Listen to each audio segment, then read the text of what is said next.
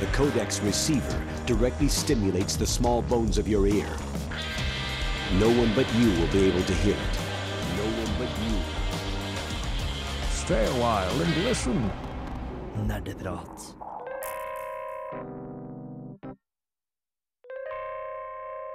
Hallo, hallo, kjære lytter. Velkommen til Nerdeprat her på Radio Revolt. I dag så skal vi snakke om bilspill som hovedtema. Så skal vi snakke om hva vi har spilt siden sist, som alltid.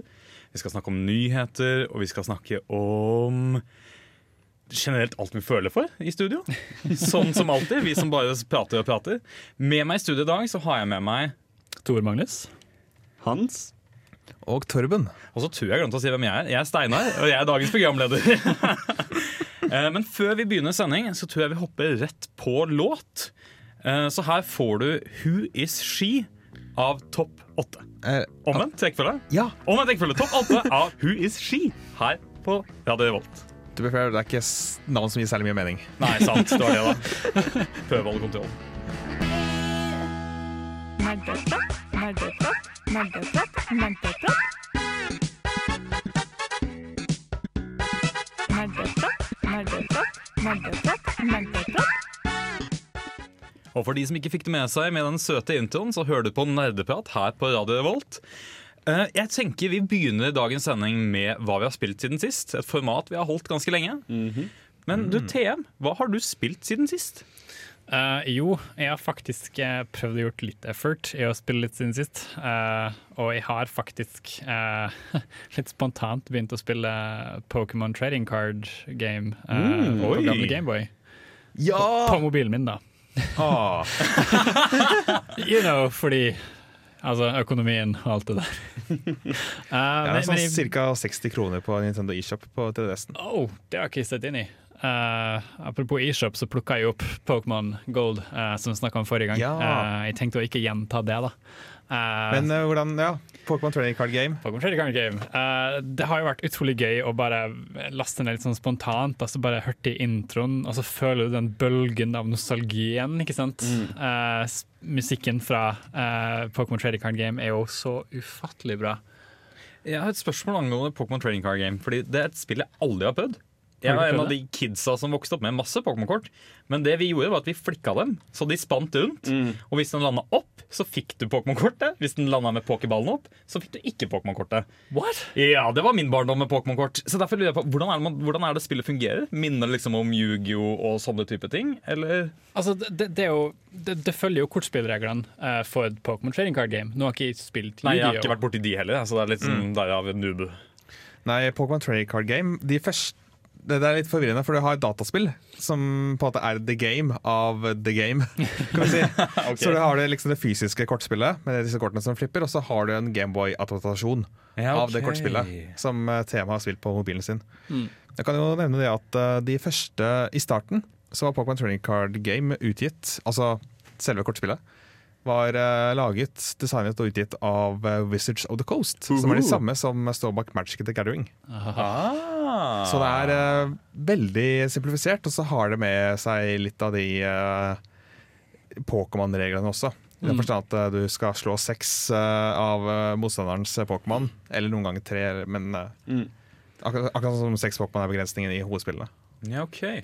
I eh, trading card games er det mer sånn at du i hvert fall i Gameboy-spillet nå, at du får sånne price cards du legger ned, og så for hver gang du beseirer motstanders Pokémon, uh, så kan du ta et price-kort. Og så Ja. er det som regel to price-kort, eller kanskje fire. Jeg har ikke kommet så langt at du har seks price cards, men jeg antar det er neste steget. Ja, nei, det er uh, sånn som det er i ordentlig spill også. Ja. Så Pokémon Trading Card Game til Gameboy kan faktisk være en god introduksjon til Pokémon Trading Card Game i virkeliv. Ja, men jeg trenger ikke enda et. Det har nok med Hearthstone Jeg har nok med og Hearthstone og uh, Magic og liksom Duel Masters, som jeg holdt på med en gang i tiden. Oh.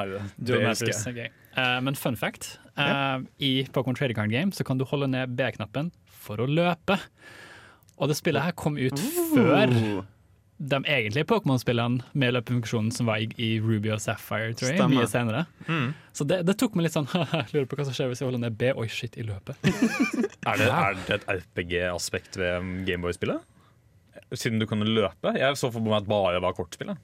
du må jo bevege det fra sted til sted. Du er på denne øya hvor du har disse eh, gymmene, da, quote on quote. Mm. Ok, Så det er et slags RPG? Fordi du, eller det er faktisk kart med bevegelse. se for deg Pokémon-spillene, bare at du tar bort på en måte, veien imellom byene, og du kan bare gå rett til hver gym for å bare kjempe. Okay, ja. uh, så det er veldig sånn Hei, uh, vi, vi bare plasserte gymmene der, der og der. Go! Fight. Så det er som en slags boss rush-utgave av Pokémon. Det er jo sånne små trenerkamper innimellom, og du har en litt teit rival. Eller en kul, da. Ronald. Han har veldig kul musikk. Ja, han har kul musikk. Og så kan du møte en awkward fyr av og til som har veldig weird musikk. Oh, Imakuni! Imakuni, der har du han. Han er den beste. Da, da, da, da, da, da. Jesus, det er så rart. Uh, men ja. Uh, det, det er det jeg har spilt siden sist, kjære lyttere. ja. Hans, da? Hva har du spilt siden sist? Ja, du, jeg har spilt litt ymse. Uh, jeg har ikke helt klart å gi meg med Hearthstone, eh, men jeg har plukket opp et annet sånt eh, online trading card game som Å, nå husker jeg ikke hva det heter. Det er litt flaut. Men det er japansk og har en helt sånn anime-stil istedenfor Hearthstone. Um, og det som er kult med det, er at det, er, det virker som utviklerne er jævla mye hippere enn det Blizzard er. Fordi der Blizzard er sånn Jo, jo, det er gratis, men du må grinde som faen hvis du skal klare å få tak i noen pakker uten å kjøpe det. Så er dette spillet sånn Å ja, ja, det er gratis, og her har du eh, ti campaigns som er gratis. Eh, Å ja, du har nettopp begynt å spille, og vi har sluppet masse eh, expansions. Her har du fuckings eh, 20 pakker i hver expansion, så vi gir deg gratis. Oh, Eh, så de har en mye kulere innfallsvinkel. Problemet er på en måte at gamefilen er ikke helt den samme. Hearthstone er veldig sånn tilfredsstillende. Du på en måte bare smekker ned et kort, og så sender du en ildkule på motstanderen. Eh, og alt føles så tight og deilig, og du kan trykke rundt på banen, og det skjer ulike ting. Her er det liksom bare noen JPEGs uh, og litt sånn småkjipe tegninger av folk. Så det er i utgangspunktet et bedre spill, men jeg tror ikke det kommer til å få meg til å avvenne meg helt med Hearthstone. Nei, Hva skjønner. er det het igjen, sa du? Husker ikke, Bare for plag. Sorry. dessverre.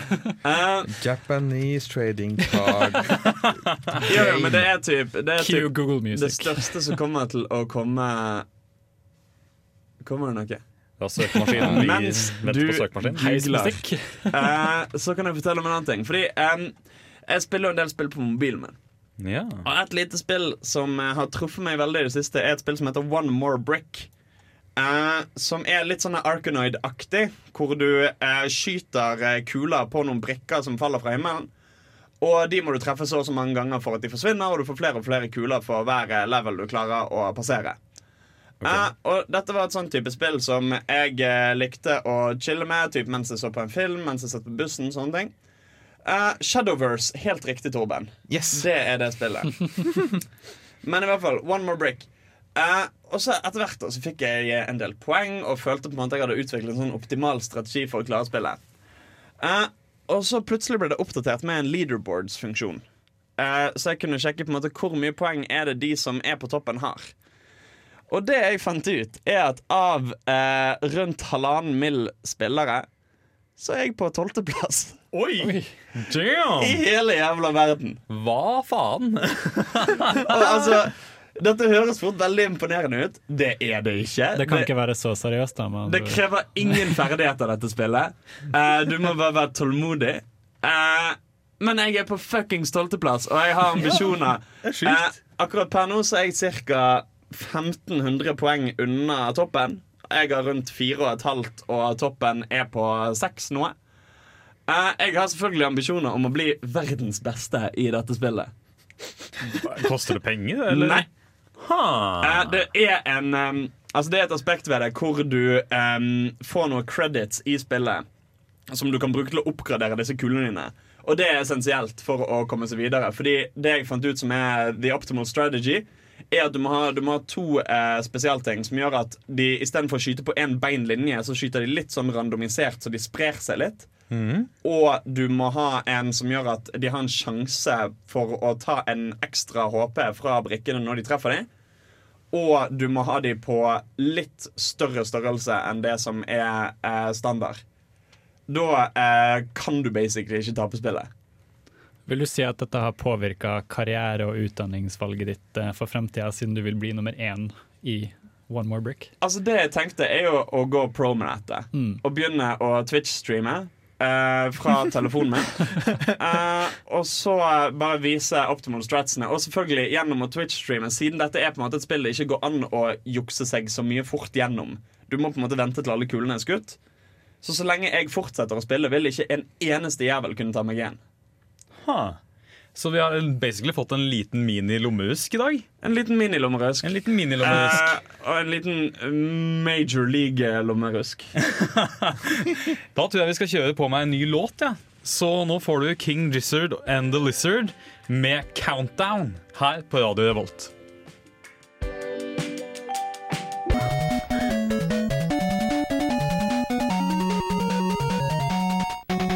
Du hørte nettopp på Brenn med Picasso her på Nerdeprat.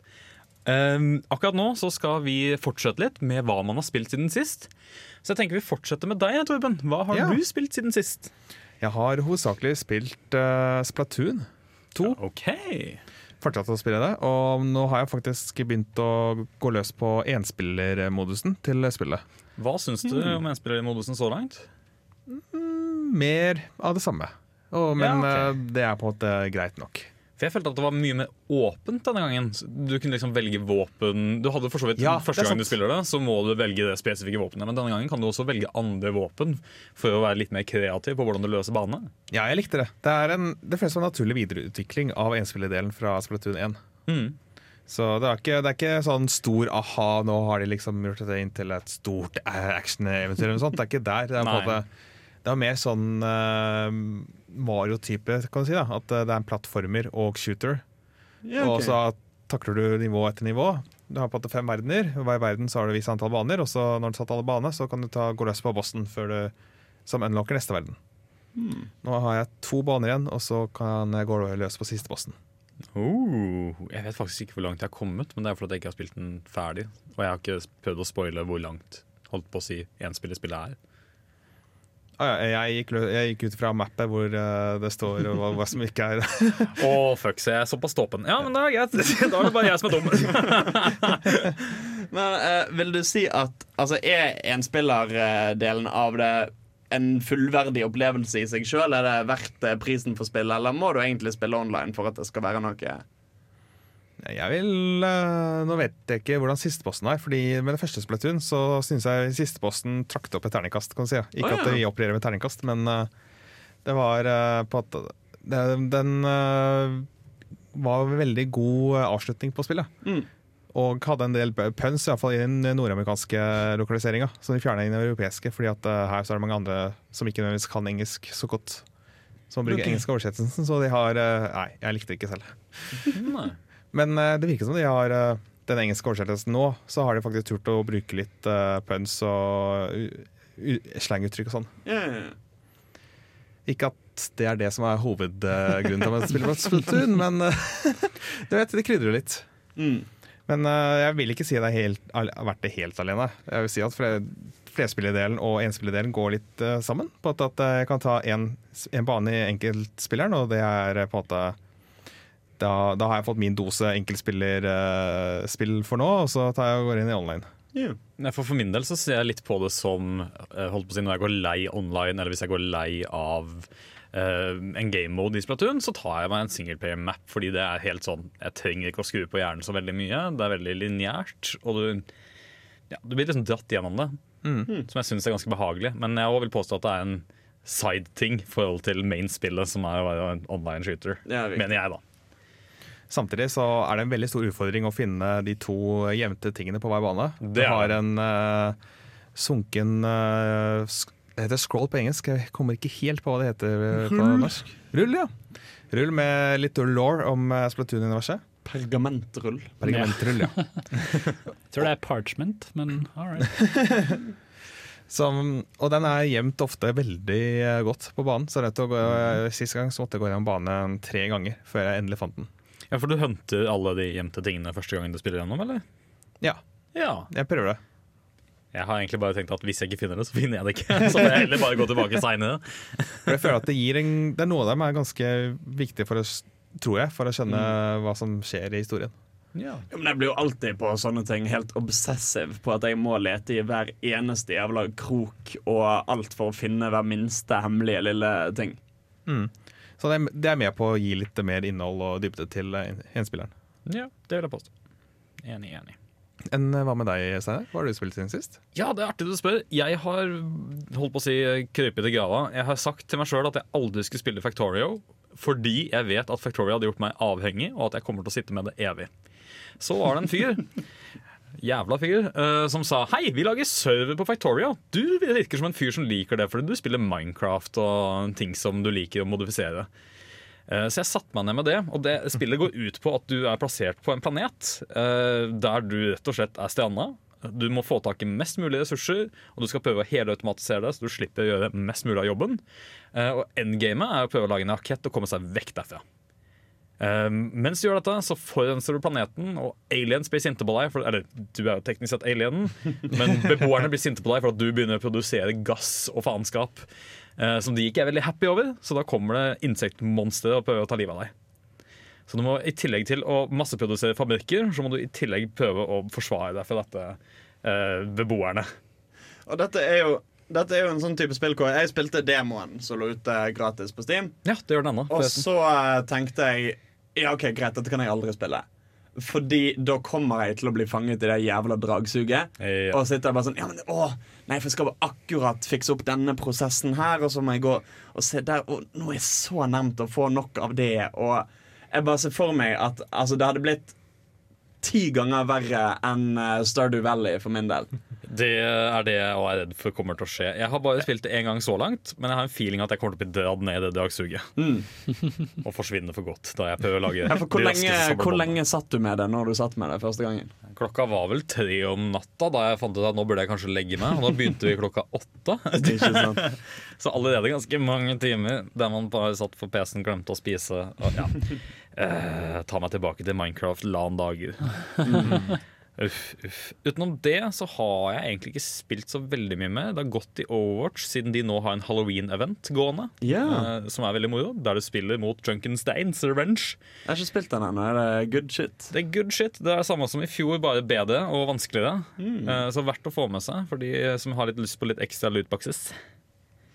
Og litt ekstra utfordring i eh, single player mode. Oh, jeg har spilt en ting siden sist. Vi har egentlig ikke tid til det. Ah, okay, For nå begynner vi å gå tom for tid, og vi skal få ei låt eh, her på radioen. Så nå får du Vent litt på det, Torben. Skal jeg begynne? nå får du eh, Princess Nokia med Bart Simpson. Jeg har ikke hørt om låta før, men eh, det blir sikkert kjempebra. Her på Radio Revolt. Du hører på Nerdeprat på Radio Revolt. Nerd, nerd, nerde, nerdenytt. Du hørte riktig. Nå blir det Nerdenytt her på Radio Revolt. Og med meg i dag som nyhetskorrespondent har jeg med meg Tor Magnus. Hva har slags nyheter er det du har med deg i dag? Nei, ingenting.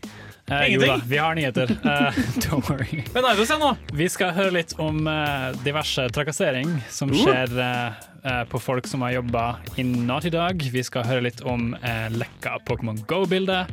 Og hvorfor har egentlig Miyazaki kommet tilbake inn i filmverden? Vi starter med å snakke litt om en fyr som jobba innen Naughty Dog, som har vært utsatt for trakassering og gått ut om det, da.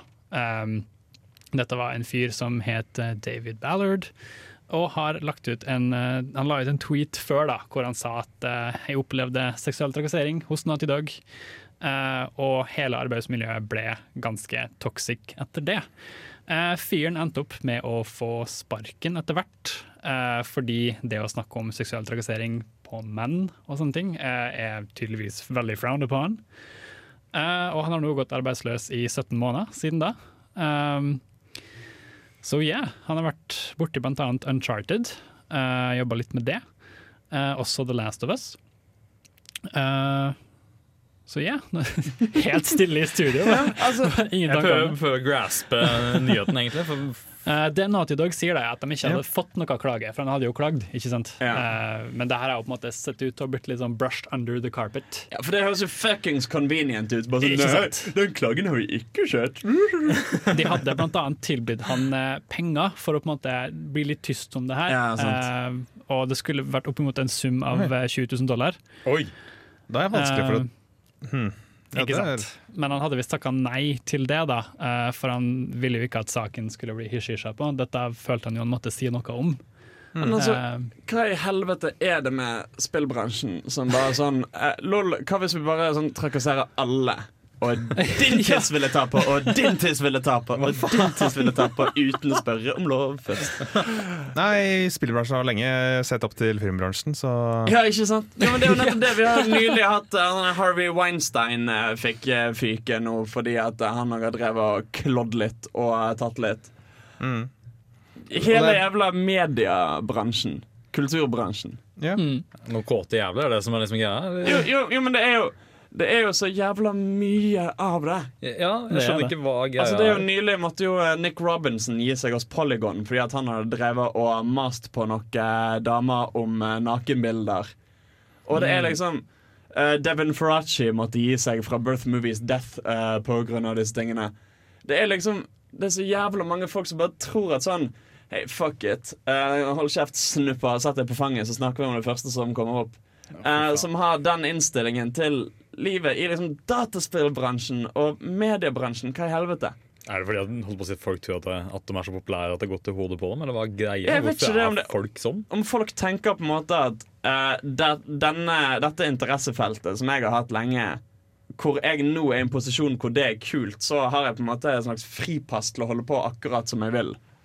Uh, og bare boltre meg fritt i hele verden uten å tenke på hvordan dette påvirker andre. Max asshole-mode? Ja, nei, vet du hva. Virker som det er veldig dårlig regulert. Men har det, har, Men, eh, har, det skjedd noe videre med han eh, stakkars fyren? Eh, ikke som jeg har sett utover det. Uh, han har ikke f fått noe annet jobb uh, som jeg leste, nei. Eh, men det kan altså være. Vi skal holde oss litt innenat i dag, for noen andre som forlot studio rundt på samme tid, eh, var ei som heter Amy Hennig, som uh, flytta Ja. over til eh, Visceral Games eh, og har jobba på bl.a. Battlefield Hardline. Eh, skulle også jobbe nå på det nye Star Wars-spillet. Ikke eh, Battlefront 2, som kommer ut nå snart, men eh, et annet et som er i development. Eh, som visstnok um, EA snakka litt om, da. Eh, for, de hadde, for EA har nedlagt Visceral Games. Eh, fordi eh, de, de syns liksom ikke spillet de jobba på, eh, dette her nye Star Wars-spillet, eh, gikk i riktig retning. For det holdt på å bli en slags sånn action-adventure-type spill, men, men de sikter på en mer eh, Mer sånn eh, Overwatch. Du går inn sånn lottery, sant, får ting og hopper rett inn Ja, neste. nettopp, Eh, sikter mer på den der eh, lotteriet Jeg si, no shit, EA tenker penger. Ja, sant. Eh, så det er det på en måte folk sier, da, at det her ser ut til å handle mer og mer bare om penger. Eh, Eh, og det gjorde jo dessverre Det, det har jo på en måte spill alltid gjort, men, men her er det på en måte I don't know. Det, det virker litt trist. Nei, jeg har jo en tradisjon for å legge ned spillselskap. Mm. Eh, Eller kjøpe av spillselskap, og så driver dem til eh, ba- Hva heter det? Til grunne? Gr- Ja. Og kjøre, drive driver dem ned i gjørma, og så bare forlater dem. Og nei, nå eksisterer ikke dere lenger. ja, altså Det virker som de bare er ute etter å høste inn IPs som de kan liksom bruke sjøl.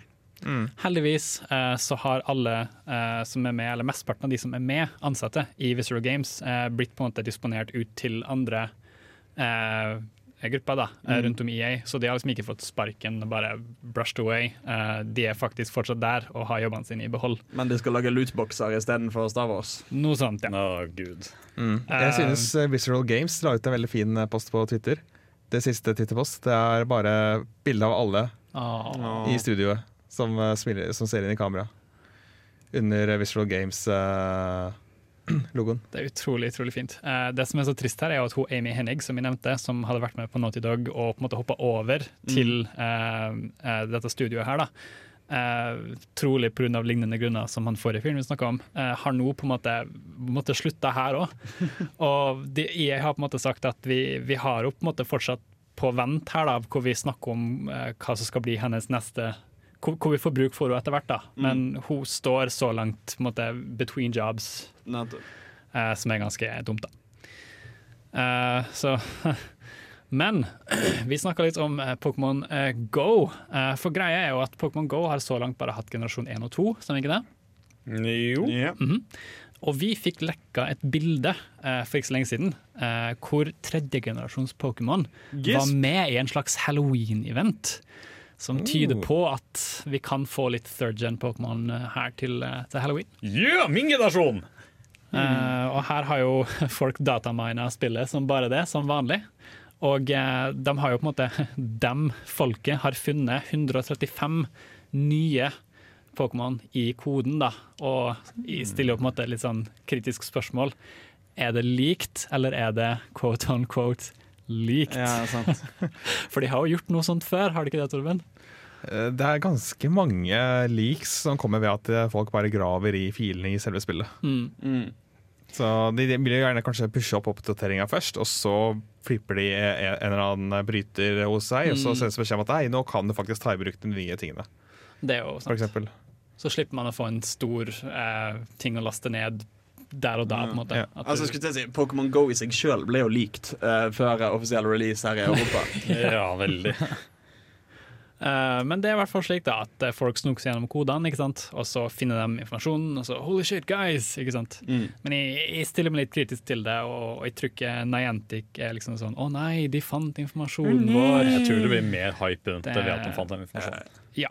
Eh, men de Pokémonene du fikk se på halloween-bildet, var i hvert fall blant annet Dusclops og um, Sable Eye og Shuppet, og litt sånn Ghost-Pokémons som de som har spilt Pokémon, kanskje husker. Uh, fra tredje generasjons Ruby og Sapphire, da, som kom ut helt tilbake i 2002. Så det er jo en god stund tilbake siden, så det er godt å, Ja. å si det igjen, da. Men jeg kjenner jo jeg at jeg bare blir mer og mer sånn Dette holder ikke Antic. Fordi nå bare introduserer dere kjedeligere og kjedeligere Pokémon. Eh, Jeg syns ikke det. Det er min generasjon. Jeg gleder meg fælt ja, til Ruby Sapphire-pokémonene. nei, jeg husker tre Pokémon derfra eller noe sånt. Jeg husker alle! jeg var sein i Pokémon-gamet. Mudkip husker jeg. Ja. Og Mudkip. Mudkip var min favoritt. Mudkip var en av de tre starterne, deriblant Torchic og Trico. Mm. Jeg hata Trico. Fordi jeg ikke fikk til å spille med Trico. Ja, ja. Har du flere nyheter til oss etterpå? Det har jeg absolutt. Så bra, for da tenker jeg vi tar en låt. Vi kjører på med Spielbergs med 'Distant Star' her på Radio Revolt. Ja, da er vi tilbake her i Nerdeprat. Vi skal da få litt flere nyheter. Men jeg syns også det har kommet et til menneske inn i studio. Kanskje vi skal presentere deg? For med oss i dag har vi med oss en tidligere nerdeprater som er med som gjest på nå Biltemasendingen vår. God dag, god dag. God dag, god dag. Hvem er du? Nei, jeg heter Kristoffer. Eh, Av og til så veileder jeg studenter på sal. Av og til så løper jeg ned til Lukas. God dag. Det høres litt sliten ut. Ja, nei, det har vært litt gjett i dag. Men nå skal vi snakke om bilspill, da! Yay! Bilspill! Men alle, før vi begynner med bilspill, så skal vi høre ferdig nyhetene til Tor Magnus her. Har du noe mer å komme med, Tor Magnus? Det har jeg. Uh, Activision uh, har faktisk uh, kommet og tatt patent på et system som er ment at spillere eh, skal bruke mer penger på sånn in game-ting. Oh no. Greia her er at Stay with me. greia her er at det er et matchmaking-system som skal gjøre at eh, når du f.eks. kommer inn i spillet og blir interessert i hm, jeg har veldig lyst til å, å, bli veldig god i sniping, sånn som han fyren der er, så vil på en måte matchmaking-systemet plukke opp på det her og, og paire det sammen med folk som er veldig gode i sniping, som gjør at du ser på en måte, hva de har, utstyr de har, og så tenker du hæ, jeg skal begynne å kjøpe det. Og også eh, vil han paire det opp i kamper hvor de våpnene du på en måte er på utkikk etter, eh, blir brukt bra. Og hvor et våpen du har kjøpt, eh, vil på en måte vises rundt det og, kunne, og, og brukes dritbra. Slik at du føler deg tryggere på de kjøpene du har gjort. At liksom, «Hæ, Det våpenet jeg kjøpte, vises jo å være dritbra for andre. Det er akkurat som jeg ikke tror på den siste delen. Det, Ah, det, det, det, det er akkurat som. Jeg mistenker at de kommer til å gjøre det motsatte. At de kommer til å paire deg med folk som bruker våpen når du har kjøpt dårlig. Nei, greia er at de skal gjøre det eh, nettopp sånn, fordi det skal få det til å virke som at du da sjøl skal føle at du har gjort et bra kjøp, som gjør at du vil gjøre flere kjøp i fremtiden. Det bør nevnes at eh, Activision ikke har tatt i bruk dette patentet. Det er, det er et patent som de har, eh, deres researchavdeling har eh, tatt og sendt inn, og så nå fått godkjent. Ja, nei, jeg tror nok eh, Jeg han kan, kan være litt skremt, da. For at Battlefield skulle jo begynne med sånn pay to win-mikrotransaksjoner. Mm. og jeg mistenker at det er kanskje derfor de er litt sånn kalde føtter nå. Fordi at eh, jeg tror det er den veien veldig mange kommer til å lese da eh, Akkurat Mm. den med customizen. Selv om jeg ser intensjonen, på en måte men det blir veldig fort pay to win. da At du må faktisk uh, kjøpe våpen for å gjøre det bra. Altså, Du kommer ikke unna liksom, det som ligger i bånn her. Du må kjøpe våpen. Mm. Som er bullshit. på en måte. Og, altså, du kan lage et så sofistikert system rundt det som du bare vil. Men det, hvis det er bullshit i bånn, så kommer ikke huset til å stå støtt for det. Ja, det, det, jeg synes det, altså Community har sagt at det er en litt sånn råtten approach til det. da eh, Fordi you know, spill peng, penger, penger, penger, ikke sant? Eh, det er litt sånn uh, Really, guys? OK. Men ja, ja. Eh, men uh, jeg nevnte også Miyazaki tidligere. eh, for han yeah. forlot jo i 2013 eh, på en måte filmindustrien, og så kom han tilbake igjen da etterpå. Ja, sant. Eh, for greia var jo at synet hans begynte å bli dårligere, og han ville jo på en måte ikke fortsette der, derav, da. Men han hoppa inn igjen. Og en av grunnene til hvorfor han hoppa inn igjen, har nå på en måte kommet fram. da, Og en av grunnene var barnebarnet hans. Uh.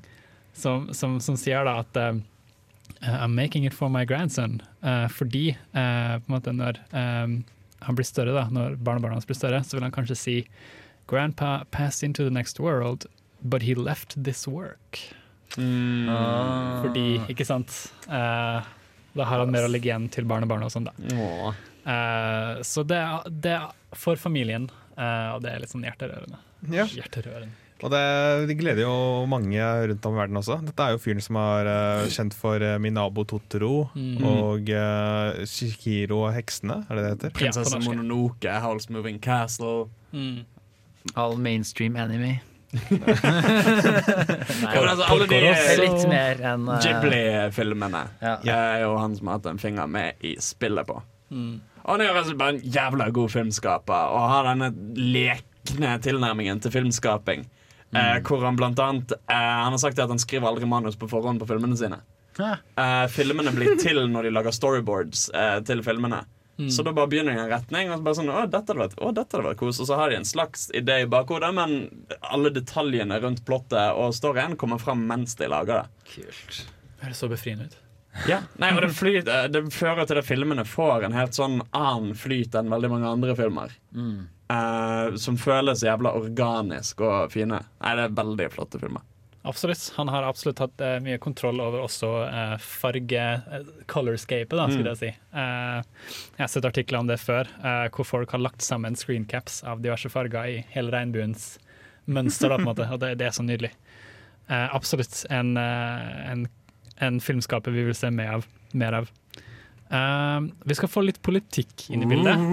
Uh, jeg var ikke helt sånn, jeg var liksom på kanten vi skulle ta det her med, men uh, Statsbudsjettet ble jo kunngjort ganske nylig, eh, hvor vi får se hvor Norges penger skal gå til. Og på en måte Kulturdepartementet, som har som oppgave å fremme spillkultur, har på en måte ikke fått noe ikke fem flate øre på en måte, for spill. Yay! Uh, nothing. That sounds like a repeat of last time. uh, derimot uh, så var det vel noen som sa at, eh, det skulle, at det var derimot prøvd å få inn 1% skatteøkning på dataspill. Eh, så det, Ja. det høres jo lovende ut. Ja, det er vel kanskje mer for generelt at de skal skatte generelt underholdning. Eh, og bare sånn alt som er av kunst og Men altså, kultur. Er vi overhodet overrasket? Nei, dessverre. Altså, fordi The one percent! ja, men, altså, OK, hvis du som lytter stemmer Frp, så for det første er du en idiot, men for det andre eh, Pew, pew, pew. Radio Revolt! Vi har parti i regjering, og som Altså, Du kan være uenig eller enig i alt de gjør, men det som er faktum, er at det er en kulturfiendtlig regjering vi har. Vi har en regjering som har et markedsinnstilling til alt! Uh, og som mener at kultur, om det er film, om det er musikk, om det er kunst, om det er spill, så må du overleve i markedet for at det skal ha livets rett. Altså har, Vi har fuckings folk som sitter i regjering og stortingsposisjoner, som mener at biblioteker ikke er en bra ting, for bøker ikke er kultur. Eh, vi har folk i Stortinget som mener at kunstnere sitter med sugerøret ned i statskassen og suger oss tomme for penger. Som om de hva da, sikkert maks 100 kunstnerne i Norge som får kunstnerlønn, eh, er de som gjør at eh, vi må bruke masse av oljefondet. Samtidig som vi skal gi skattelett til eh, de rikeste en jævla prosentene i befolkningen.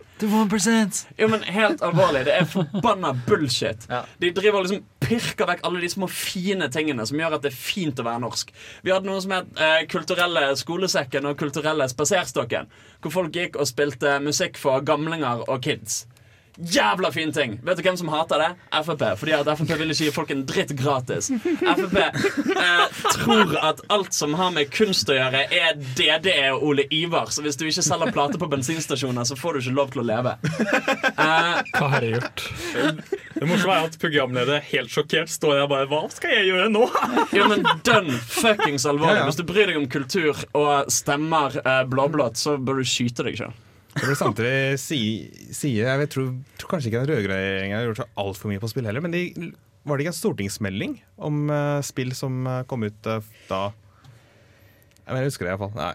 Vet jeg ikke. Er ikke dessverre så opptatt på politiske nyheter her. Politikkprat Uansett, så neste uke. Hvis du har lyst til å lese hele kommentaren, så er det Erik Fossum fra Pressfire som har skrevet at, uh, om dette mangelen på satsing på spill i Norge. Han har skrevet også om det i sommer en gang, og har også blitt invitert av Venstre til inn på Stortinget for å snakke og litt mer om det her. Men Venstre er allerede relativt vennlig innstilt, har jeg inntrykk av, overfor spillindustrien. Mm.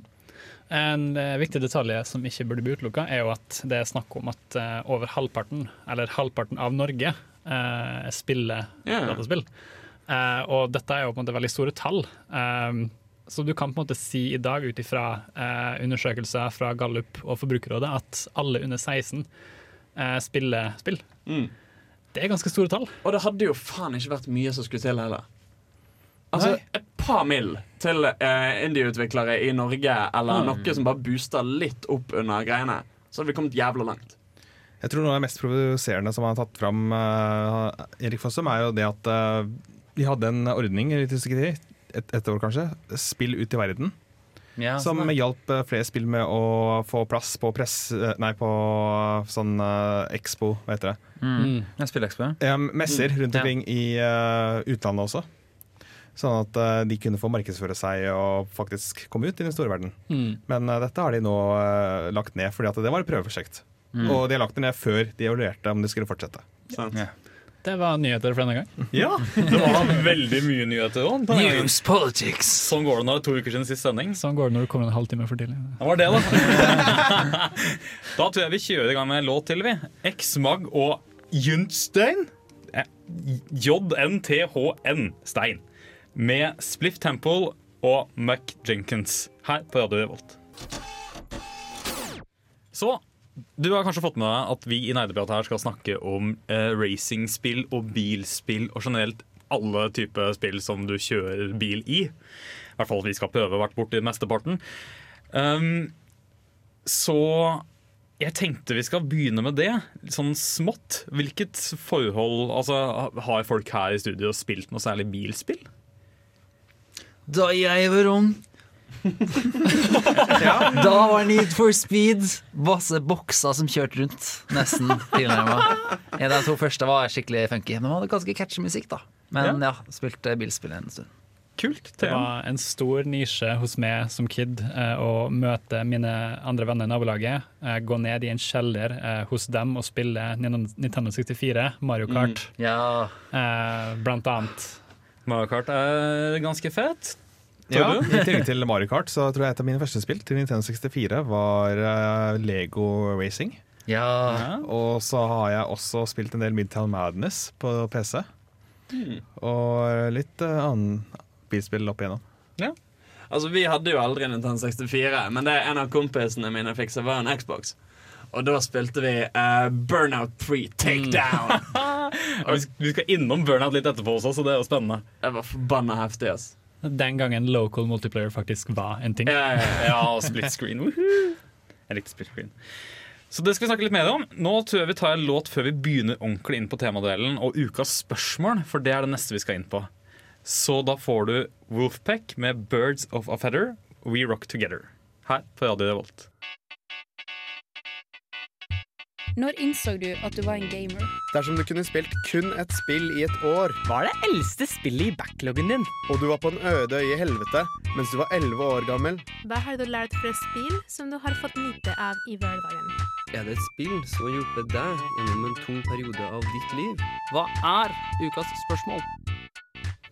Jo, kjære lytter, ukas spørsmål er hva slags bil hadde du designa hvis du kunne designe en drømmebil i et spill? Der har du veldig mye muligheter. Det kan være futuristisk, det kan være gammeldags, det kan være nåværende biler. Du kan gjøre hva f du vil med verdens beste bil, så lenge du kan si hvorfor din bil er den beste. Har dere tenkt litt i studio? Og Arian, gjenbruk det er en god ting jeg har hørt at folk har sagt det er lurt. Så jeg har lyst til å legge fram kjørerbilen fra Lego Racers 1. Hvorfor? For den er kul. Den har en kiste frampå som motor. Og i tillegg så er det plass til å få det gull litt oppi her, så hallo. Get it! Chest car. Punktum. It Ja. has a car, nei, chest on the car. Jeg har lyst på en eh, bil som har eh, akkurat så Som tar akkurat så mye av eh, synet mitt, holdt på å si. Hva, hva jeg kan se. Ja. Sånn at jeg kan oppleve og se rundt hvor jeg kjører. Og så skal jeg selvfølgelig kjøre på autopilot, for jeg har ikke førerkort. Men, eh, så jeg, så jeg- skal eh, bare kunne sitte der og så snyte nyte utsikten i det vi kjører på eh, norske landeveier i dal og bakke. AI, please make me win. Eh, jeg tenker at er det en ting jeg har lært så langt i denne sendingen, så er det penger. Er det alt handler om. Eh, så Markedsbilen. vi må lage en markedsbil. En bil som tjener masse, masse gryn. Så jeg tenker å lage en drømmebil som er myntet på ungdommen. Okay. Så eh, dette er da en bil eh, som istedenfor hjul så har en fidget spinner. Å, Gud. Uh, Istedenfor å sitte i et sete, så må du plenke eh, på bilen. Og for å svinge, så må du dabbe i den retningen du har lyst til å svinge. Um, for å fylle på bensin i denne bilen, så må du fylle bensinen på flasker og bottle-flippe det oppi en eh, sånn ting. Oppi en Beholder, ja. Eh, Perfect! og eksosen er spytt fra folk som gjør Cinnamon Challenge. ja. Vet, hvordan tjener jeg penger igjen? Ja, jeg skal ikke si det sånn. For, for, fordi det er sånn som kidsa liker. Ah, ja, ikke sant, så alle sitter hjemme og ser på YouTube. Ja, ja, ja. Og så kommer, kommer du til å lage meme-videoer, og, og PewDiePie kommer til å lage sånn This is the craziest vehicle ever? Question mark Så tror du det blir lettere for kidsa å, å kjøre bil nå som Jeg de tror det kommer til å være mye mer relatable ja. for kidsa. Hashtag relab. Ja, ja, ja. Elon Eh, Musk er ikke fordi- helt på tråd med ungdommen. Kids i dag vet ikke hva hjul er, men de vet hva fidget spinners er. Uh, de sliter med høyre og venstre, men de klarer å dabbe. Uh, altså, jeg har personlig erfart at de sliter med å få uh, helt ting oppi andre ting uten søl. Eh, så derav bottle flipping, så de er blitt eh, ganske flinke på. Eh, bare treffe alle trendene. Jeg skjønner. Men vaping det er ut, så bilen vaper ikke. Det er vape som Åh, skal jeg spille det. glemte vape. Ja, Det må jo vape på en eller annen Det må måte. vapes litt. Det er to eksospotter, én for cinnamon og én for Ja, ja, vapes. ja, en for vapes. Ah. I'm just saying. Det høres ut som en ganske fantastisk bil. Damn. Uh, jeg vil jo si at dere har alle gått altfor trangsynt. Oi. Ingen sa at en bil måtte kjøre på veien. Nei, Ingen sa at en bil måtte ha hjul, som for så vidt Hans var inne på. En bil kan være et slott som går på fjellet. Mine kjære lyttere, jeg snakker om Howls Moving Castle. Ingen sa at en bil ikke kan være et stort, stort hus. Ikke campingvogn. Nei, nei, nei, vi snakker mye i stedet. Her snakker vi et slott, en borg, som har mer enn ett eksosrør. Veldig mange eksosrør. Med røyk overalt. Du vil se den komme over fjellkanten. Nei, det er ikke Dovregubben. Det er House Moving Castle. Men jeg lurer på, har den en kiste på framsida? En kiste. Ja. Hva faen skal du med ei kiste på framsida? Jeg, jeg tror ikke de spør meg å argumentere for legobilen hans. Oh! Oh! oh man! Jeg er lei for det. OK, det må nesten promoteres. Kiste foran på bilen er ganske digg. Uh, det, det må jeg si. Kunne ikke vært mer enig og upartisk. Så Upartisk. mens dere alle suser rundt på veiene, så eh, klatrer jeg rundt om i fjellet ganske sneglesakte. Men hei, jeg har en borg. Men du har en borg med masse eksosrør. Come at me, bro. Jeg har kanoner. Og jeg tror jeg har et fly nå der òg, jeg er ikke helt sikker, men Altså, jeg tenker, sånn sett, Hvis du har en stor nok bil, så blir jo alle avstandene veldig små. Ikke sant? Her snakker vi om å spare økonomi, vi snakker om å spare avstand, vi snakker om klimautslipp. Ikke sant? Så Hvis du har en bil på størrelse med et fjell, for eksempel, Ja, eh, så er jo eksempel strekningen Trondheim-Oslo eh, forsvinnende liten. Ikke sant? Altså når du, når du tar den strekningen på typ tre lengder av eh, bilen. Og det som er poenget, hvis du har sett Howl's Moving Castle, så har du en dør inni der som du bare kan forandre litt på en sånn rull på toppen, som vil avgjøre hvor du kommer ut Hei. Hvor du vil avgjøre hvor du kommer ut hen. For du kan gå inn på et sted og komme ut et helt annet sted. Så ikke bare har de en bil på størrelse med et slott, den kan også teleportere det fra punkt A til B hvis du er seint ute på jobb. Spørsmål. Svar. Hvis den kan teleportere, hvorfor beveger den seg? Fordi det er Howl's Mo- Ikke still så dumme spørsmål! Hallo! Dette er så tåpelig. Tull. Ah. Men da tror jeg vi bare har deg igjen, Steinar. Ja, for jeg må jo pokker meg svare på mitt eget spørsmål òg. jeg har ikke så crazy ambisjoner som eh, kiste på bilen. Eller som House Moving Castle med teleportering, som gjør at bevegelsesdelen er litt sånn why? Um, men jeg har en bil med kanoner. Fordi jeg tenker med en gang Hvis jeg vil ha en kul bil, så tenker jeg på å spille Full Auto 2. Det er, og En er nå for så vidt, men toeren i all hovedsak. For der hadde du tre muligheter til å modifisere våpen på bilen din. Du kunne ha en ram foran, svær metallramme som du kunne knuse andre biler med ved at du kjørte igjennom dem. Du kunne ha kanoner på eh, panseret ditt som du kunne skyte forskjellige ting. Flammekaster, om du ville det, men du kunne også skyte granater, lasere. Du kunne ha våpen bakpå bagasjen, holdt på å si. Du kunne ha røykemaskiner, enda flere granatkastere som kaster bakover. Eh, så jeg vil ha en sånn bil. Fordi jeg liker ikke folk i trafikk. Tut, tut. Så han jævelen som kommer med en sånn diger pickup truck, kan bare gå og legge seg, for jeg har en kanon type tanks på taket mitt. Ja, Det er min dømmebil. Den er selvfølgelig recoil-free, da. Ja, ja, selvfølgelig. Ah, nei, nei, vet du hva? Hvis du har I hvert fall i toeren, så hvis du har en kanon, så er det faktisk recoil. Hele bilen hopper faktisk bakover. It's not a bug. Så du kan faktisk bruke det til å bremse. Det er et godt triks. For det er racing Eller hvis du går tom for bensin, kan du skyte bakover. Ja, teknisk sett. Vi har vel alle bygd Lego her en gang, hvor vi har lagd helt usaklige konstruksjoner som på en måte, et fly som har en kanon på ryggen, masse skytevåpen på sida. Hvor personen egentlig går inn, er ikke så viktig, men liksom Eh, Lite sidespor. Jeg fant ut her en dagen at The Millennium Falcon fra Star Wars er egentlig laga supposedly eh, som et fraktskip som skal dytte store containere. Derfor Ja, har jeg sånn også- to jeg svære tenner. Og så var det litt sånn hm, Hvordan skal du bremse det? Eller kan du bare skyte, og så går den motsatt der. Det er bare Newtons lov. Da føler jeg at vi har svart ganske greit på ukas spørsmål. Så da tror jeg vi går over til en temalåt. Så nå skal dere få høre Final Fantasy Dette blir syv. Jeg er dårlig på nummertall. Fight On Cover av Artificial Fair her på Nerdeprat. Du lytter til Nerdeprat fra Radio Revolt. You're listening to Nerd Talk from Radio Revolt. Som stemmen til The Gathering sier, du hører på Nerdeprat her på Radio Revolt. Vi skal eh, se litt nærmere på hva vi i programmet assosierer med bilspill. For det er jeg litt spent på. For når jeg tenker bilspill, så tenker jeg ikke bare på at du kjører i en bane med runder og tid. Men jeg vet ikke hva andre tenker. Altså, jeg tenker Altså, det er Enten så er det gjesp, gjesp, dette er dritkjedelig, jeg har lyst til å gjøre hva som helst annet. Uh, typ, med den typen bilspill som bare er sånn Å, kjør fort, men ikke for fort, for da krasjer du, og så skal du være først i mål. Gjesp, kjedelig, drep meg. Uh, og så har du gøye spill hvor det er om å gjøre å krasje, hvor det er om å gjøre å skyte. Altså type uh, kartspillene.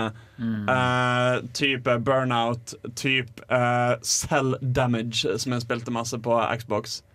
Ja, liksom, er en kategori jeg liksom allerede har skjønt meg på, så er det sånn der Gran Turismo. og Folk som spiller sånn uh, Grand Prix Tour, der du Mm. faktisk reiser et Grand Prix-tour. og faktisk kjører sånn 100 runder i fem timer. Og hvor du ikke skal sledde eller noen ting.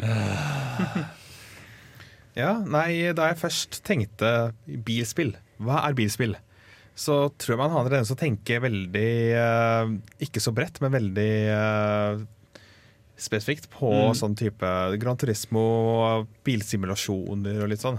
Mm. Men når jeg tenker meg om, så har jeg jo faktisk spilt en del bilspill. Mm. Enten det er Mario Kart, eller det er eh, Rocket League. Kan vi kalle det Ja. et bilspill? Ja, det.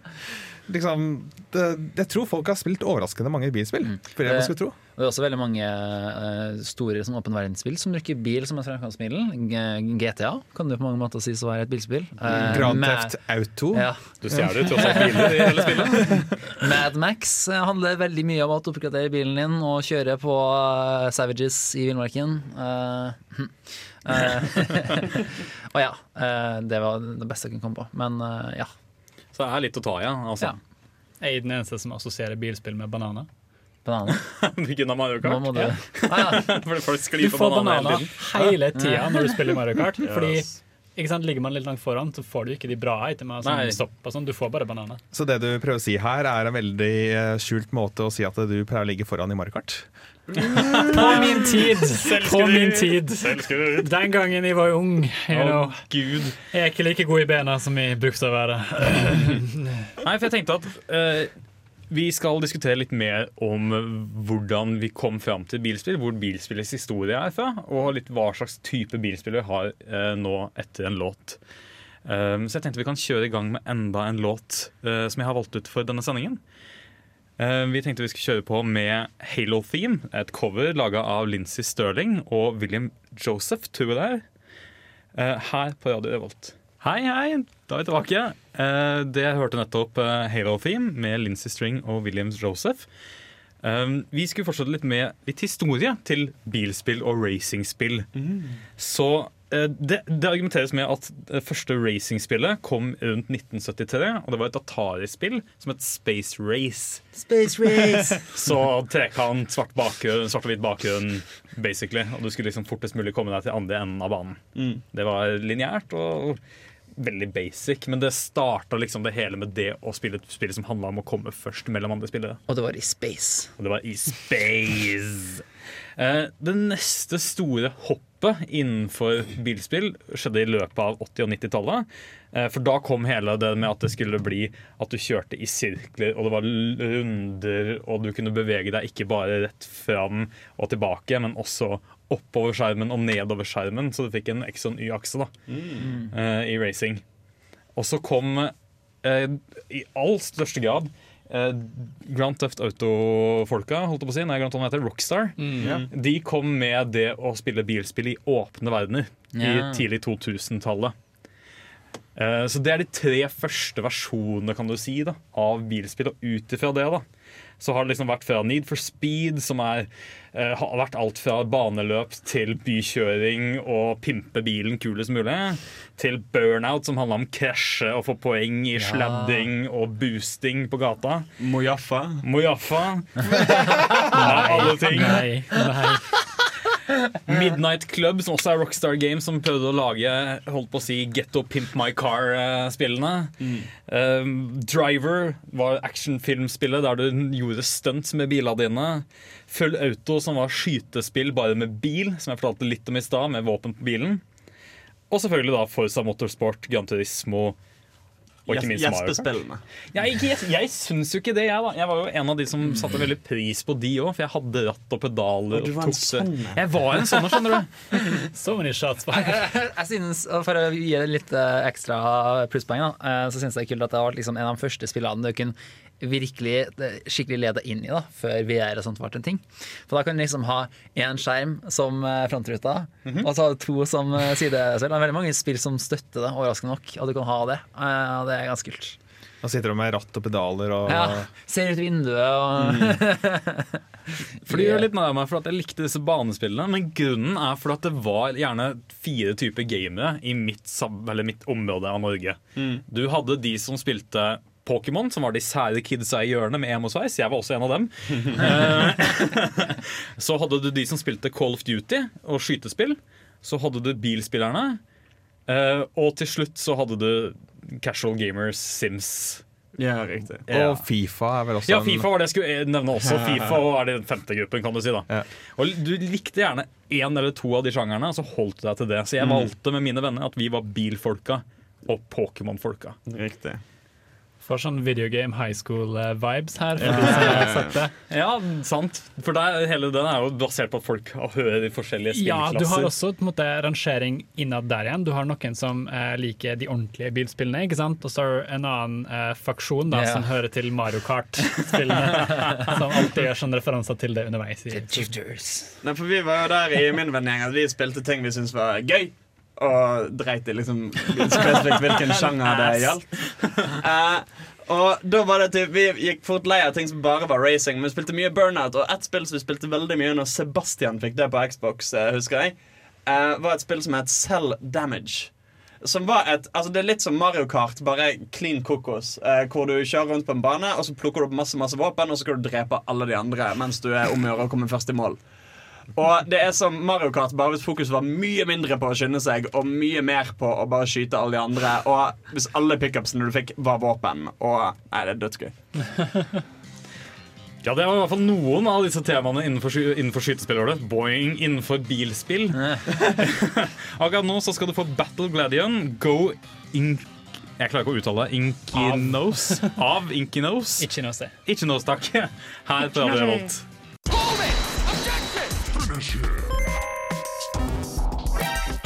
Nerdeprat. Da er vi tilbake. Da skal vi snakke om hva som har forsvunnet i bilspill, og hva som har blitt igjen. Fordi jeg oppdaget med litt Google-søk at det er veldig mange ganske kjente sjangere fra da vi var små, som har dødd ut. Eh, som for eksempel Burnout er jo basically dødd ut. Det Mm. er det ble laget sist. La meg dobbeltsjekke mine notater. Burnout Paradise sist, eller kom det noe etter det? Det kom eh, Ja, det var det siste. Det kom i 2011. Mm. Så det har dødd ut. Et annet uh, typisk kjent spill er Midnight Club. Det døde ut i 2008. Driver døde ut i 2011. Full Auto varte vel bare to år, så jeg skal varte til 2007, da. Eh, så, så alle de holdt på å si litt actionbaserte bilspillene har blitt litt sånn borte og dødd ut. Det har bare blitt mer og mer av ja, Vi kan jo si at GTA tok over den plassen. Ja, skal vi si det? For altså, GTA Online har blitt så stort. Det har det blitt enormt. Og GTA, altså Rockstar West, eller hvem det er som lager GTA 5 eh, Kommer vi til å se et GTA 6? I think not. Eh, de kommer til å fortsette å melke og bare pushe inn mer content i det ene spillet, heller enn å pushe på noe som helst annet. Uh, så jeg tror altså det er bare å claime til hele det markedet der. Ja, for Jeg ser bare mer og mer av den typen bilspill. Alle de der der du fikk eie bilen din, custom-bygd den og var i en gategjeng. Det høres mer og mer ut som GTA når jeg forklarer det. Mm. Eh, men, men de standalone-spillene som ikke var GTA, de har bare blitt borte. De ble liksom fada ut før vi kom til 2010. Og jeg føler felles for veldig mange av de spillene var at det var veldig stor fokus på um, Altså split screen og uh, altså multiplayer hjemme med kompiser. Ja. Heller enn uh, online-fokus. Og kanskje, altså Når det ble så stort online-fokus, så blir det med en gang en slags skulle jeg si, monopolisering av systemet med det at da kommer folk til å liksom sentrere seg mot ett spill så mange andre som mulig har. Ja. Fordi forskjellen er at Hvis jeg kjøper meg eh, Burnout og sier Hei, Nerdeprat, bli med hjem til meg, så kan vi spille Burnout sammen. Så kan alle gjøre det uten at alle har Burnout og koser seg hjemme hos meg. Men hvis jeg sitter online og sier Hei, Nerdeprat, kom og spill Burnout med meg, så sier dere ja, men vi har ikke det. Nei, det er det. Uh, så med en gang den utviklingen er skjedd, og det er mer og mer fokus på online play, og veldig mange spill ikke har split screen lenger, uh, så blir det automatisk til at eh, det monopoliserer seg mot få utgivelser. Altså at du har GTA og uh, Mario Kart og til en viss grad Rocket League. Og spesielt sånn GTA er jo i den gylne posisjonen nå. Med at liksom, Det er jo en gigantisk sandbox, og de har liksom optimalisert hele spillet. De har verktøy for å lage alt. Mm. Sant? Nå slapp de jo dere, som du kanskje har nevnt, uh, den nye modusen der du kan eh, I et løp så forandrer du deg fra en bil til et fly til en båt. Kanskje flere ganger, liksom. Og det er jo ingen annen som tilbyr, på en måte. Og I tillegg til at veldig mange andre bilspill jeg plages med, at de er fokusert veldig på the true racing experience. Ja, ja. Og det er ikke så gøy å få the true racing experience hele tida, liksom. Uh, mens GTA så er det sånn du kan kjøre rundt og kukke rundt, og så hoppe litt og sånt, og så kan du gå til bilen, pleffe ned et par folk, og så hoppe inn igjen, og så kjøre rundt, da. Ja, jeg føler De to sjangerne som har overlevd, eh, jeg sjekka litt ut også, det er liksom Forza Motorsport det lever ennå og har levd siden 2005. Gran Turismo har levd siden 1997 og fortsatt er en greie. Det er alltid noen. Samme gjelder for så vidt Gran Turismo Auto. Det ble først kommet ut i 1997 og er fortsatt en greie. Mario Kart er fortsatt en greie. Og Formel 1, som er kanskje det eldste fortsatt levende serien innenfor bilspill, som har vært siden 1976 i arkadeform, og så har det bare fortsatt en greie for PlayStation 4. Det kom ut et spill i år. Gøy. Eh, Så, så det, jeg føler at vi da sitter igjen med to sjangere. Vi sitter igjen med de banespillene som jeg ble ertet for for en liten stund siden, som fortsatt lever på beste velgående, eh, og de open world-spillene. Yeah. Fordi det er åpenbart open world alle vil ha nå. I de alle typer spill, egentlig, føler jeg. Mm, og liksom, igjen da, så jeg, skjønner liksom at det er en veldig stor fanskap, altså det er en tro, trofast kjerne rundt eh, realistiske spill. Realistiske bilspill. Men jeg tror for hvermannsen spesielt, så tror jeg det veldig fort kan bli kjedelig da, også. Eh, hvis man ikke er skikkelig gira på, en måte, på biler. Ja, ja. Altså, det oss, sånn, oss filter casuals har lyst til å krasje og skyte Ja, folk. Altså, Mm. Selvfølgelig så tar ikke bilen oss grensa av ingenting og masse rart, og du kan ikke bare nitrobooste fra 0 til 1000 på ingenting, men det er en del mange vil ha altså Jeg føler det er mye mer approachable da, enn eksempel Jeg prøvde å plukke opp Gran Turismo så mange ganger, men så tar det liksom ti minutter, og så er jeg i grøfta, liksom. Og selv før og etter førerkort så har ingenting endra seg. Det er sånn, liksom. så jeg, er sånn, jeg er overbevist om at det som var grunnen, men det var det ikke. Eh, altså, jeg leste litt på forum sånn, der, spurte, der folk har spurt om hva er det som har skjedd med de gode, gamle holdt på å si, bilspillene med krasjing og sladding og sånn. Mm. Og da fikk, fikk du veldig følelsen at det er en veldig splittelse i to grupper av bilspillere. Mm. Det er de som ønsker det realistiske. eh, Som allerede er litt sånn gearheads. De er interessert i biler fra før, Nei. så det ut som på de forumene jeg var innom. Og derfor likte de det realistiske med det. Det var en som skrev et veldig morsomt innlegg som jeg tenkte sånn Ja, kanskje det. For han har mikket bil hele dagen. Det er alt han gjør. Så da har han lyst til å spille spillet da han kommer hjem og faktisk skal bare kjøre bilen. Mm. Mens det andre delen er de som liker eierskap over bilen. De som vil ha kostumisering av egen bil. De føler at de har tjent denne bilen inn. De har ikke allerede unlocka den. Det er noe som må til for å få dette til. Og de er de som klager på at bilspillsjangeren har dødd litt ut.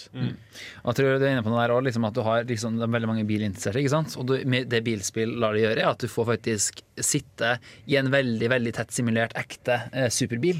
Så du kan jo ha liksom, den millionbilen som du aldri i havet kommer til å ha råd til, og som du aldri kommer til å tørre å kjøre uansett. Og den kan du kjøre ikke sant? i en simulering med kjemperealistisk lyd og physics og alt. Så jeg kan si den er peilen for veldig mange også. At det blir litt sånn. Nei, for jeg synes Det er en spennende diskusjon generelt på hva er det som har skjedd. For jeg heller spiller jo ikke bilspill lenger. Det var liksom barndommen. Jeg kom til å tenke på en morsom greie som eh, bilspill En, oppgave som bilspill ofte hadde. Og Det var å vise fram den kule nye grafikken på disse yeah. nye konsollene. Ja. Ja. Fordi vi husker alle Ridge Racer! som eh, 64. Ja, det har kommet på DS. Det kommer på 3DS. Launchspill på omtrent på begge to. Yes. Liksom, det, det, det var en av flere racingspill som hadde til oppgave å vise fram eh, den nye teknologien. Mm. Fordi i det øyeblikket du ikke trenger å rendre ansiktet på folk, og sånn, men bare kan ha shiny biler med asfalt og litt Ja, eh, regn og litt sånn, så kan det, det, det er rett og slett et spill som spilltype som du kan eh, vise fram veldig hvordan eh, ting ser ut. da Og kanskje mer imponerende enn det kommer til å være i andre typer spill. da Ja, for Det husker jeg veldig godt med altså, Xbox 360 kom med hva var det, Forza Motorsport 3. Eh, og når PS3-en ble lansert, så var det, var det Rage det het. Ja Det var et eller annet Ja, sånn racing-spill som ble lansert. Rage. På PlayStation 3 så var det um, Et eller annet sånn hvor du kjørte buggies og Ja, motorsykler. ja. Motorstorm. Motorstorm. Motorstorm heter det. det. Det fantes to av dem før de døde ut. Det var Motorstorm 1, som Mm. var liksom presentert med PlayStation 3. Så kom det en ny versjon av PlayStation 3, som da lanserte også da Motorsport 2. Nei, Motorstorm 2, mener jeg. De òg er sånn actionpakt Ja, ja, ja. følelse over det hele. Og veldig tech-demo med sånn particle effect. Ja, så- veldig. Men jeg kan ikke huske at vi fikk noe særlig av det til PlayStation 4 og Xbox eh, Nei, One. Det er det jeg mener litt med å si at har spill, bilspill kanskje dødd litt ut i Men- forhold til den sjangeren. Men jeg holdt på å si har launch-titler dødd litt ut, kanskje? Kanskje det. At det ikke er like stort fokus på som det har vært tidligere. Jopp. Det har blitt veldig sånn sosial aksept nesten å bare ikke ha noen Ja, ja. launch-titler, egentlig. Veldig spennende tema, i hvert fall. Å diskutere hva som skjer med bilverden. Eh, akkurat nå så skal du få Skyrim-cover, eller et Skyrim-cover av Lincy Stirling eh, her på Radio Revolt. Forskning påviser at ti av ti italienske rørleggere blir tilfredsstilt av nerdeprat på Radio Revolt.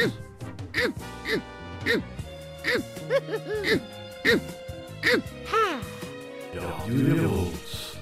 Marios favorite. Så da har vi diskutert veldig mye om hva som har blitt borte fra bilspill. Kan vi prøve å gjenskape bilspillsjangeren? Hva er det vi trenger for å gjenopplive bilspill? Bananer. Jeg tror det er for mange av dem. bananer. Jeg, savner litt den uh, lavterskelen. Altså, Én ting er local multiplayer, og det har jeg Mhm. savna generelt med masse konsoller generelt kjempelenge. Mm. Der, er der, der syns jeg Nintendo er de som har holdt på local multiplayer. kan du si. Mm. Nå kan du jo til og med linke Switch mot hverandre. Ja. Altså, Jeg tror det de trenger, er egenart i spillene i seg sjøl for å overleve. Mm. Fordi det som har slått Det som slo meg etter hvert nå når vi snakket om eh, at bilspill ofte har vært launch-titler og sånne ting, er jo det at etter hvert så har vi beveget oss mer og mer vekk fra eh, konsollfokus og over på eh, IP-fokus. Ja. Eh, Ja. At eh, Før i tiden så var det veldig sånn Jeg har en Xbox, ja, men jeg har en PlayStation! Og så skulle vi krangle om eh, hva som var best. Mens nå er det på en måte eh, Jeg spiller det spillet, du spiller det spillet. Mm. Eh, fokuset har gått på hvilket spill spiller du. Spiller du Overwatch? Spiller du uh, PlayerUnknown's Battlegrounds? Eh, hvilket spill er det du spiller, og hva fins det på? Så Derfor ser du ofte når eh, det nå har blitt eh, Når Switchen kommer, for eksempel, hvor jævla mange av spillene som er på den release-planen der, er ports fra andre systemer. Drøyt halvparten. Um, du ser jo det samme med uh, på E3 sist. Så er det sånn Et av de store greiene på Jeg vet, ikke, jeg tror det var Xbox One sin greie var PlayerUnknown's Battlegrounds! Ja. Et spill som har vært på PC lenge. Får masse plass der. Masse fokus, fordi spillene drar folk til konsollene, og ikke omvendt. Um, så det jeg tror bilspill trenger for å overleve i dag, er rett og slett en god merkevare i det å være bilspill. Yeah. Uh, du kan ikke satse på at uh, folk kjøper en eh, PlayStation, og så trenger de et bilspill. Uh, fordi folk har en eller annen konsoll. De må ha en grunn til å kjøpe et bilspill. De er mange en grunn til å kjøpe ditt bilspill. Det er jo litt det de holdt på å si alltid har prøvd med Gran Turismo og Forza-serien. Fordi at Gran Turismo er vel kun for PlayStation, og Forza er vel kun for Xbox. Mm. Og de har ganske svære fanbases. Det er liksom snakk om type Fifa-fanbases for begge spill. Men Og det er først nå i nyere tid at uh, den uh, Microsoft sin, den eh, Forza, har kommet på Windows. Ja. Mm. Og den har jo begynt nå også at den Forza har også fått en sånn eh, casual-variant òg. Forza Horizon. som Ja. er mye mer eh, eh, Men det, det, var det litt sånn Det var litt kult. Du kunne liksom kjøre rundt i en eller annen delstat i USA, og det var litt fett. Men der også var det sånn Du kjører rundt. Jeg vet at De har lansert at du kan eh, kjøre sånn wakeboard. Eh, dette er Forza Awakens. Å, gud, nei. Nei. Ah. No. Nei, men da, da går jeg inn. Eh, Vi snakkes neste uke. Altså, jeg setter pris på Star Wars-humor, men faen, da. Ja, fortsatt eh, bedre enn eh, Forza Horizon Zero Dawn. Bedre faen. Go. Nei, men folkens, hvordan skal vi i hvert fall Ja, men for satan, da! Jeg gir opp, jeg. Vet du hva, nå gir jeg opp. Det jeg vil spørre om, da hvordan, Nei, hvordan kan vi få tilbake de gode split screen-bilspillene? Hva, hva er det som skal til? Jeg lurer på om det kanskje er mulig. Eh, Er det for, nei, for liksom, jeg føler at måten folk spiller på nå, er mye mer annerledes enn før òg. Mm. Før så var det liksom at man tar, liksom, gikk, hos en kompis, og så spilte man noe sammen. da Ja. Eh, men så er det litt sånn Ja, Nintendo har kanskje litt grei støtte for uh, split screen, men sånn generelt trenden er at det egentlig har vært ganske dårlig. da Og spesielt bilspill så er det sånn Jeg synes mye av moroa med for eksempel litt sånn kjedelig bilspill, der man liksom bare kjørte rundt runde og runde, runde, var liksom det å kunne tante den du spilte med, og liksom kukke rundt og Sant. knuffe litt bort, ikke sant, og bare eh, snakke skitt samtidig. At det har på en måte vært en ting man gjorde, da.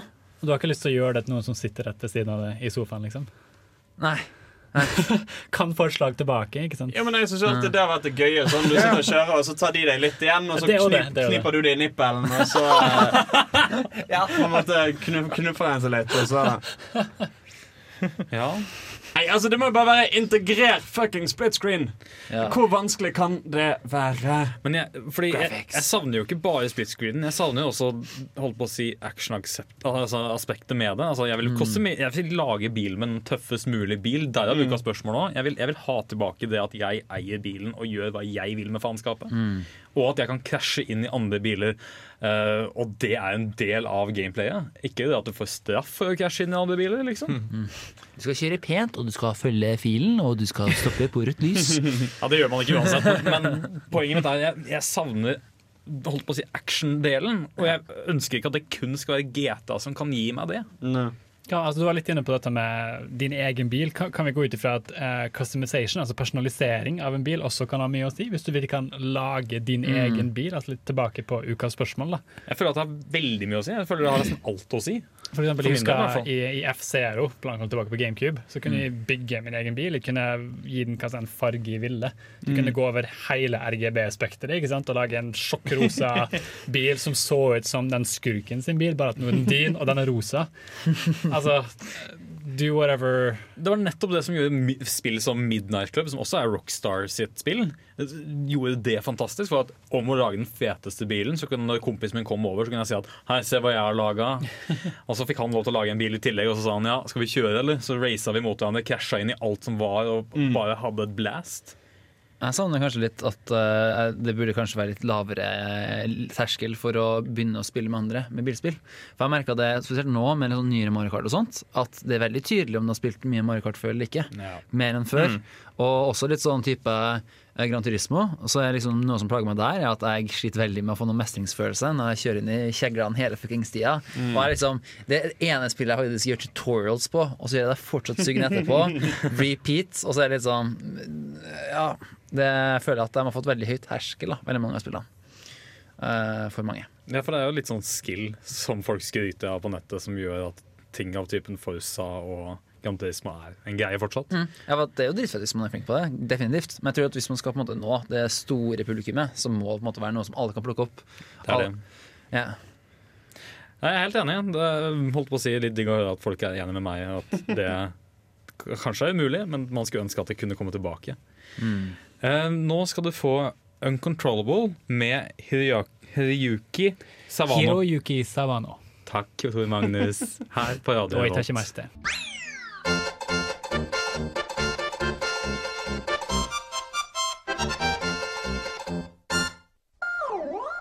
Og nå nærmer vi oss slutten på ukas sending av Nerdeprat. Så jeg lurer litt på Har vi lært noe særlig om bilspill i løpet av denne sendingen? Det er ikke marked for bilspill! Mer bananer! Regjeringen støtter ikke bilspill. I hvert fall ikke norske bilspill. Mer i, til bilspill i statsbudsjett Nei, jeg vet ikke. Så det vi savner, er kostymisering. Vi savner enkelthet å plukke opp, sånn at andre mennesker kan bare hoppe inn som ikke er vant til Mm. bilspill. Mm. Um, Jeg kjenner jeg savner kanskje indie-markedet. Kanskje vi kunne fått noe pikselerte 2D-racingspill. Det har faktisk vært litt interessant. Sånn sett ovenfra. Sånn Ja, for det, det har ikke vi sett så mye av eh, fra indie-folkene. Nei. Jeg kommer faktisk ikke på et eneste eksempel. Jeg tenker. Men samtidig, hvis vi liker å gå til eh, tre dimensjoner, så er det jo litt enklere Og lage. Du trenger jo ikke å bruke veldig lang tid på ansikter og Nei, sant. mennesker og sånt. Hmm. Og så savner vi alltid split screen. Ja, ja. All Local the split screen. Neste uke så skal vi ha litt mer spooky sending. Fordi da kommer den årlige Halloween-sendingen her på Nei, det har vært veldig feil. Forsvant. Lyden ble borte, og Chris sto igjen som en klein fyr som ler. Ah, litt mer The Count. Åh. Nei, Jeg er i hvert fall veldig fornøyd med det vi kom fram til, uh, minus det at bilspill er dødt. Nei, det syns jeg er litt kjipt. Jeg som Bilspill! prøvde å overbevise om at bilspill er kult, folkens. Kan spille skytespill istedenfor? Det var det, da. Det er back to Overwatch. Back to Overwatch. Så det var det vi hadde for oss. Jeg skulle si takk for meg som programleder, men jeg skal si takk for Torben, som er med oss. Jeg skulle si takk for Hans, som er med oss. Jeg skulle si takk til Chris, gjesten vår. Og takk til Tor Magnus, som kan japansk. Ikke kan ikke japansk. I hvert fall nok til å rette på meg da jeg driter meg ut. Bra. Vær så god.